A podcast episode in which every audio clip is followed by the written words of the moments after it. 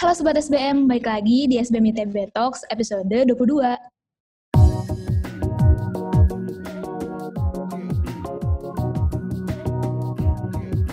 Aku Andina dari manajemen 2021 bakal jadi announcer di episode kali ini. Dan hari ini bakal ngebahas topik yang keren banget yaitu apakah bahasa Indonesia tidak sekeren bahasa asing di dalam dunia bisnis. Nah, kali ini kita kedatangan tamu yang keren banget, yaitu Duta Bahasa Jawa Barat. Ada Kak Akbar dan ada Cia. Halo Sobat SBM, kenalin aku Cia Alfania Nugah Putri. Aku kewirausahaan 2022. Nama saya Akbar Selamat, teman-teman bisa panggil saya Akbar, Abai Selamat. Hmm. Uh, saya SBM 2020, jadi sebenarnya sudah selesai perkuliahannya. Salam kenal Sobat SBM dan Kak Akbar sama Acia itu duta bahasa, berarti kita akan menjurus itu. Nah, tapi sebelum kita bahas tentang pokok utamanya dulu nih, menurut kakak sendiri tuh bahasa Indonesia itu kayak sesuatu yang penting atau enggak sih di di zaman sekarang itu? Uh, tentu ya, maksudnya kan ada jadi dalam di badan bahasa itu ada yang namanya trimatra bahasa. Trimatra bahasa itu tiga dasar dalam bahasa gitu. Utamakan bahasa Indonesia, lestarikan bahasa daerah, dan kuasai bahasa asing. Jadi memang pengutamaan dan juga penggunaan bahasa Indonesia dalam kehidupan sehari-hari itu sangat penting gitu. Terlebih lagi dalam berbagai aktivitas termasuk bisnis di dalamnya gitu. Jadi uh, saking pentingnya bahkan dia termaktub dalam Sumpah Pemuda dalam bulir ketiga yaitu menjunjung bahasa persatuan bahasa Indonesia. Sehingga dengan adanya bahasa Indonesia kita jadi sefrekuensi semua nih cara penggunaannya jadi setara semua gitu. Nah, gimana nih Kak permasalahannya?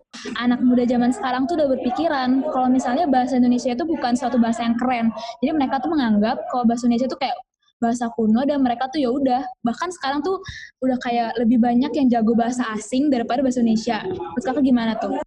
Uh, bahasa Indonesia dianggap kuno. Kalau aku pribadi tak kenal maka tak sayang. Ya kita udah pernah sering banget kan denger itu.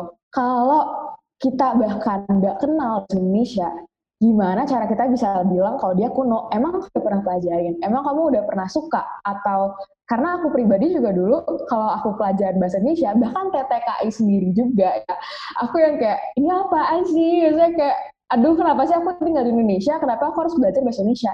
Tapi ketika aku mempelajari itu, aku mendalami itu dalam duta bahasa ini juga, Iya, aku jatuh cinta aja itu sama bahasa Indonesia. Ternyata bahasa Indonesia tuh sekeren itu gitu. Jadi memang kalau misalnya nggak kenal ya kenalan dulu, benar. Ditambah lagi bahasa Indonesia ini adalah bahasa yang sebenarnya unik dan juga ada ada beberapa kata yang sulit atau tidak bisa diartikan ke bahasa asing begitu ya bahasa lainnya. Kayak misalnya Zamrud Katulistiwa misalnya. Apa bahasa ininya? Bahasa asingnya kan nggak ada. Keunikan keunikan semacam itu gitu ya. Saking nggak ada ininya, saking nggak ada bahasa asingnya. Jadi dipakailah bahasa Indonesia kayak rambutan ya rambutan. Durian ya durian gitu ya. Kemudian juga orang utan ya orang utan namanya gitu. Nggak nggak diganti-ganti. Nah kehadiran bahasa ini itu tuh membuktikan identitas dari suatu bangsa gitu. Salah satu guru besar di Fakultas Ilmu Budaya Universitas Pajajaran namanya Ahmad Undang Darsa pernah bilang bahasa teh ciciren bangsa lengit basana hilang bangsana. Artinya bahasa itu adalah identitas suatu bangsa. Hilang bahasanya maka hilang pula bangsanya. Jadi intinya kalau misalnya ingin mempunyai identitas begitu ya maka gunakanlah bahasa yang yang hadir di masyarakat tersebut begitu. Wah, itu emang sebenarnya bahasa Indonesia itu keren banget ya.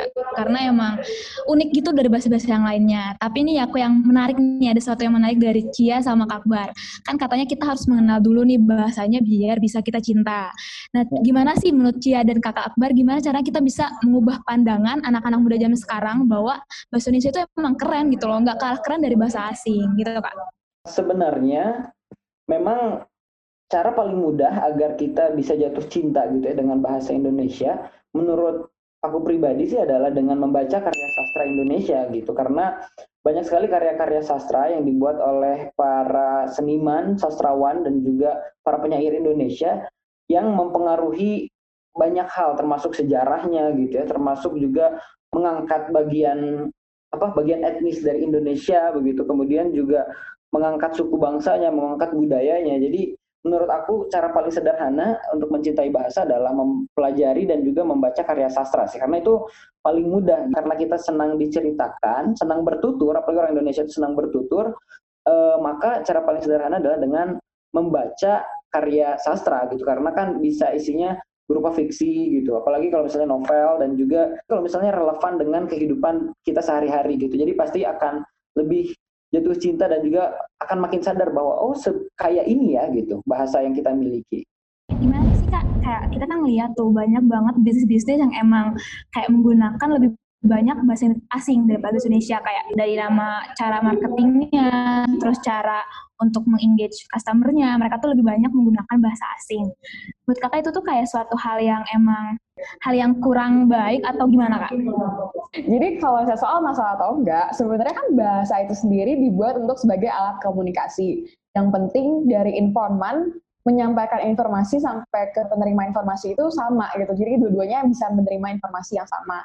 Namun karena kita balik lagi kita tinggal di Indonesia dan bahasa Indonesia adalah bahasa persatuannya kita dan harus kita jaga.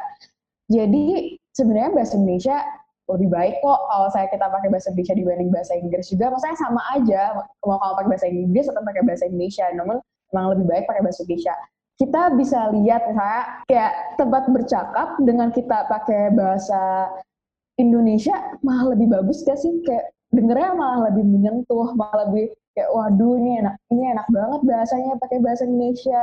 Selain dari tempat bercakap juga udah mulai banyak kok merek-merek dagang yang udah pakai bahasa Indonesia dalam merek ya dan gak kalah bagus juga kayak tumbuh led terus ada teh botol sosro terus juga yang sekarang ada di Bandung juga bakso aci galang gitu kan. Itu justru bukannya makin menarik ya. Kalau misalnya menurut aku itu justru lebih menarik gitu. Dari situ juga kita udah bisa lihat kalau bahasa Indonesia tuh nggak kalah bagus dibanding bahasa Inggris. Tapi sebenarnya bukan soal namanya tapi bisa nggak memberikan produk tersebut nilai yang bagus value yang bagus sehingga jenama bahasa Indonesia juga bisa terangkat begitu. Kalau kita sebagai anak bisnis eh, sehebat apa pun, sebagus apa pun sebuah jenama namanya gitu ya. Tapi kalau misalnya produknya nggak bagus nggak akan bagus juga hasilnya. Ketika mengangkat atau membuat sebuah produk ada baiknya menggunakan bahasa-bahasa Indonesia. Upaya-upaya itulah yang mungkin harusnya diangkat oleh para penguasa dan juga pengusaha gitu ya untuk mengenalkan bahasa-bahasa Indonesia yang bisa disebut lebih bernilai sastrawi begitu kepada masyarakat gitu kepada khalayak itulah kurang lebih. Target market paling dekat juga kan orang Indonesia itu sendiri kan dan kita nggak bisa tutup mata bahwa banyak dari orang Indonesia itu sendiri yang belum bisa menggunakan bahasa asing. Kalau misalnya menurut aku pribadi, justru kita akan lebih banyak punya target market dan lebih banyak yang akan bisa mengenal produk kita ketika kita menggunakan bahasa Indonesia dalam penjenamaan kita. Nah, terus ada lagi nih yang menggelitik banget nih Kak di pikiran aku kayak pertama pernah aku kayak nanya-nanya dan riset juga nih. Kalau misalnya sebenarnya mereka juga tertarik tuh pakai bahasa Indonesia. Tapi yang membuat mereka susah itu bahasa seperti apa sih yang cocok gitu di bahasa Indonesia? Karena kan ada kayak bahasa formal atau istilah kayak bahasa baku. Kan uh, jadi kayak gimana sih gaya bahasa gimana sih yang cocok gitu buat menarik konsumen atau menarik para customer kita gitu kak. Dan Cia? Uh, kita sering kali mendengar sebuah istilah ya.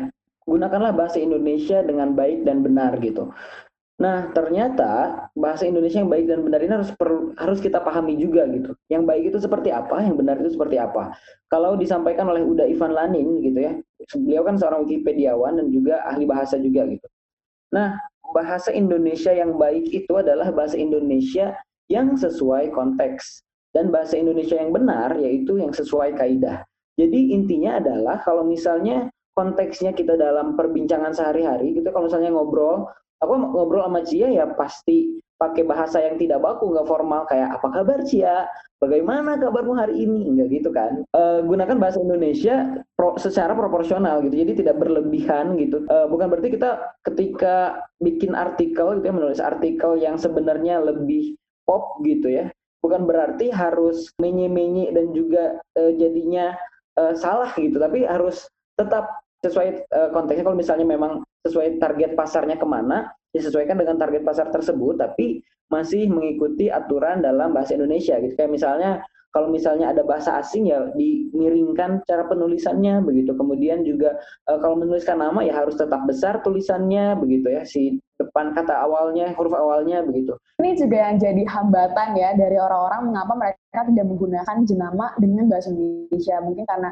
aduh webnya ribet gitu. Tapi kalau misalnya menurut aku pribadi bahasa kan itu adalah alat komunikasi ya. selama penyampai informasi menyampaikan informasinya dan diterima dengan baik oleh penerima informasi, yaitu udah oke okay kok. Namanya juga kita belajar dan gak mungkin kita ada yang sempurna gitu. Bahkan grammar juga kan kadang masih baik. Mau TOEFL apa pun juga pasti ada, ada error itu terjadi gitu. Jadi kalau menurut aku pribadi kita yang penting coba aja dulu karena kita nggak akan pernah tahu gitu ada yang tergerak kah dengan jenama kita, ada yang mulai kayak, duh ini bahasa Indonesia keren juga ya untuk jadi jenama, itu kan kita nggak ada yang tahu. Dan mungkin jika aku menggunakan produk dengan bahasa yang bahasa yang mungkin jarang diketahui oleh halayak ramai, orang justru lebih penasaran dengan produk kita. Apa sih ini? Kenapa sih namanya ini? Kenapa sih namanya itu? Nah, berarti kan kita sebenarnya emang harus udah mulai dari cari dulu gitu ya apa sih fungsi dari produk kita baru kayak kita bisa menjenamakan menjenamakan di produk kita ini. Nah terus aku mau nanya lagi nih kan kita kita misalnya udah kayak buat nih suatu nama pakai bahasa Indonesia buat produk-produk kita dan cara marketing kita. Gimana sih caranya biar calon bisnis muda untuk kayak mudah langsung mengedukasi para customer dengan produk kita gitu? Ya, soal penjenamaan produk itu kembali lagi pada produknya itu sendiri. Karena ketika kita lihat tumbuh kita nggak akan mikir kalau itu baju kan, maksudnya uh, kita nggak akan mikir baju bisa tumbuh karena secara gak langsung juga kayak salin dia setidaknya kita tahu kalau itu mirip-mirip sama slide gitu. Dan itu kayak ya bahasa Indonesia tuh sekarang bahasa Indonesia juga udah menerima masukan dari masyarakat untuk menambahkan lema atau kata ke KBBI itu sendiri. Jadi selama kita menggunakannya dengan baik dan juga produk kita jelas gitu. Kita mau jual apa pasti orang-orang nggak akan kebingungan kok soal produk kita itu apa. Malah mungkin bisa lebih penasaran lagi dengan jenama produk kita itu. Coba pakai kasus ya maksudnya pakai case gitu ya. Nah salah satu produk yang uh, dimiliki oleh Sivitas SBM juga yaitu nama nama jenamanya adalah menjamu M E N D J A M U menjamu begitu ya. Nah si menjamu ini kan punya maknanya dua ya. Yang pertama adalah melakukan penjamuan, menjamu, dan juga membuat jamu karena memang produknya adalah jamu. Jadi ini menarik banget sih menurut aku. Ini berhasil mengangkat bahasa Indonesia, kekayaan Indonesia juga yaitu jamu-jamuan dan juga rempah-rempah di dalamnya ke dalam sebuah produk gitu. Nah, itulah langkah-langkah yang harusnya bisa dilakukan oleh para pengusaha-pengusaha muda kita gitu. Sobat SBM pasti uh, punya ide yang lebih kreatif lagi ya kan uh, punya apa ya cara dan pola pikir yang lebih menarik lagi terkait hal-hal tersebut. Jadi uh, bisa banget nih cara paling sederhananya mungkin buka KBBI-nya, terus cari kata-katanya, ditempel buat jenama dan juga jadiin itu sebuah cerita gitu atau storyline gitulah dalam si dalam si produknya gitu. Memang kadang orang itu membeli produk tidak hanya sekadar produknya aja begitu, tapi cerita yang mengikuti di belakangnya. Benar banget kayak kata Kak Akbar, aku cuma mau nambahin dikit sih. Uh, contoh paling sederhananya dalam penjenamaan adalah mungkin kita lihat sendiri di platform Instagram kita masing-masing. Ketika kita menulis karir atau caption, kita kan nulis pasti lama banget kayak banyak banget yang harus dipikirin karena itu tuh salah satu bukti dari sebenarnya cerita yang ada dalam foto itu tuh jauh lebih bukan jauh sih mungkin sama berharganya dengan foto yang sedang kita tampil, tampilkan atau produk yang kita tampil itu. Jadi sebenarnya kalau saya menurut aku pribadi ketika aku uh, membeli sebuah produk, produk itu akan lebih berharga buat aku dan akan lebih tertarik kalau buat aku menunggunya ketika ada cerita di balik produk itu tersendiri. Nah, ada satu lagi permasalahan lagi nih buat Cia sama Kak Akbar. Boleh nggak sih Kak kayak share lagi gitu pengalaman kalian. Gimana caranya untuk mem memperbanyak pembenaran kata-kata gitu? Biar kayak kan setidaknya kayak orang-orang tuh bahasa pakai bahasa Indonesia tuh ya itu itu aja gitu bahasanya. Makanya bikin sobat-sobat SBM tuh jadi bingung gitu pakai bahasa Indonesia nggak ya buat produknya. Nah dari pengalaman kak, kak sama Cia sendiri gimana sih buat memperbanyak kata-kata itu gitu? Menarik juga nih. Uh, dalam bahasa apa pun, kalau misalnya kita ingin menambah kosakata, tentu cara paling sederhananya adalah dengan uh, membaca begitu ya. Karena kalau misalnya kita sudah membaca, kita tuh pertama kita bisa melihat huruf itu tuh tersusun seperti apa dalam kata tersebut. Itu yang pertama kan. Kemudian yang kedua, kita jadi tahu cara pengucapannya dan yang ketiga, kita jadi tahu penempatan dari kata tersebut itu dalam konteksnya seperti apa, dalam kalimatnya harus kayak gimana. Nah, ketiga hal itulah yang membuat ketika kita membaca tuh jadinya paham kata-kata tersebut tuh bisa digunakan ketika uh, kondisinya seperti apa. Hmm, jadi kayak lebih sama aja kayak kita belajar bahasa asing gitu ya. Untuk belajar bahasa Indonesia itu ya dengan menonton, dengan membaca dan kayak memper memperbanyak kata-kata ke kita tuh dari yang hal seperti itu ya. Nah terakhir terakhir nih ya pertanyaan terakhir buat Kak Akbar sama Cia. Tips and trick nih Kak biar semakin mencintai. Tapi ini tips and harus benar-benar yang langsung gitu ya Kak Cia. Jadi nggak biar orang tuh langsung kayak oh iya Indonesia tuh kayaknya harus benar-benar gue pelajari gitu. Untuk menjadi seorang duta bahasa Jawa Barat adalah berbahasalah secara proporsional ya jadi gunakanlah bahasa Indonesia secara proporsional, bahasa daerah secara proporsional, juga bahasa asing secara proporsional. Jadi tahu dan juga paham ininya, paham konteks dan juga waktunya begitu ya, untuk jadi duta bahasa Jawa Barat. Tapi untuk mencintai bahasa Indonesia, kapan pun dan juga bagaimanapun keadaannya, harusnya itu adalah sebuah kesadaran begitu. Nah tipsnya apa? Mungkin kamu akan mencintai bahasa Indonesia dengan uh, menyaksikan karya sastra yang cukup populer di zaman kini begitu. Karena kalau misalnya kita baca karya-karya sastra yang Hairil Anwar mungkin yang dahulu mungkin kurang relevan sama diri kita gitu. Dari aku pribadi, balik lagi kayak bahasa tak kenal maka tak sayang. Ketika kita bahkan belum mengenal bahasa kita sendiri, kita belum mengenal sejarahnya, bagaimana uh, bahasa itu terbentuk dan mengapa bahasa Indonesia itu terbentuk, tentunya kita nggak akan bisa sayang. Oke deh, keren banget, keren banget dari Cia dan Kang Mbak. Itu kalau misalnya aku bisa simpulin tuh berarti kita harus mencintai bahasa kita. Nah, terima kasih banget Kang Akbar sama Cia udah sempetin waktunya di SBM ITB Talks 22 ini. Pokoknya sobat-sobat SBM tuh jangan pernah malu buat, pakai bahasa Indonesia karena bahasa Indonesia itu keren, nggak kuno seperti apa yang kalian pikirin. Karena bahasa Indonesia juga bisa buat menarik banyak customer dan target market buat bisnis-bisnis sobat-sobat SBM semua gitu.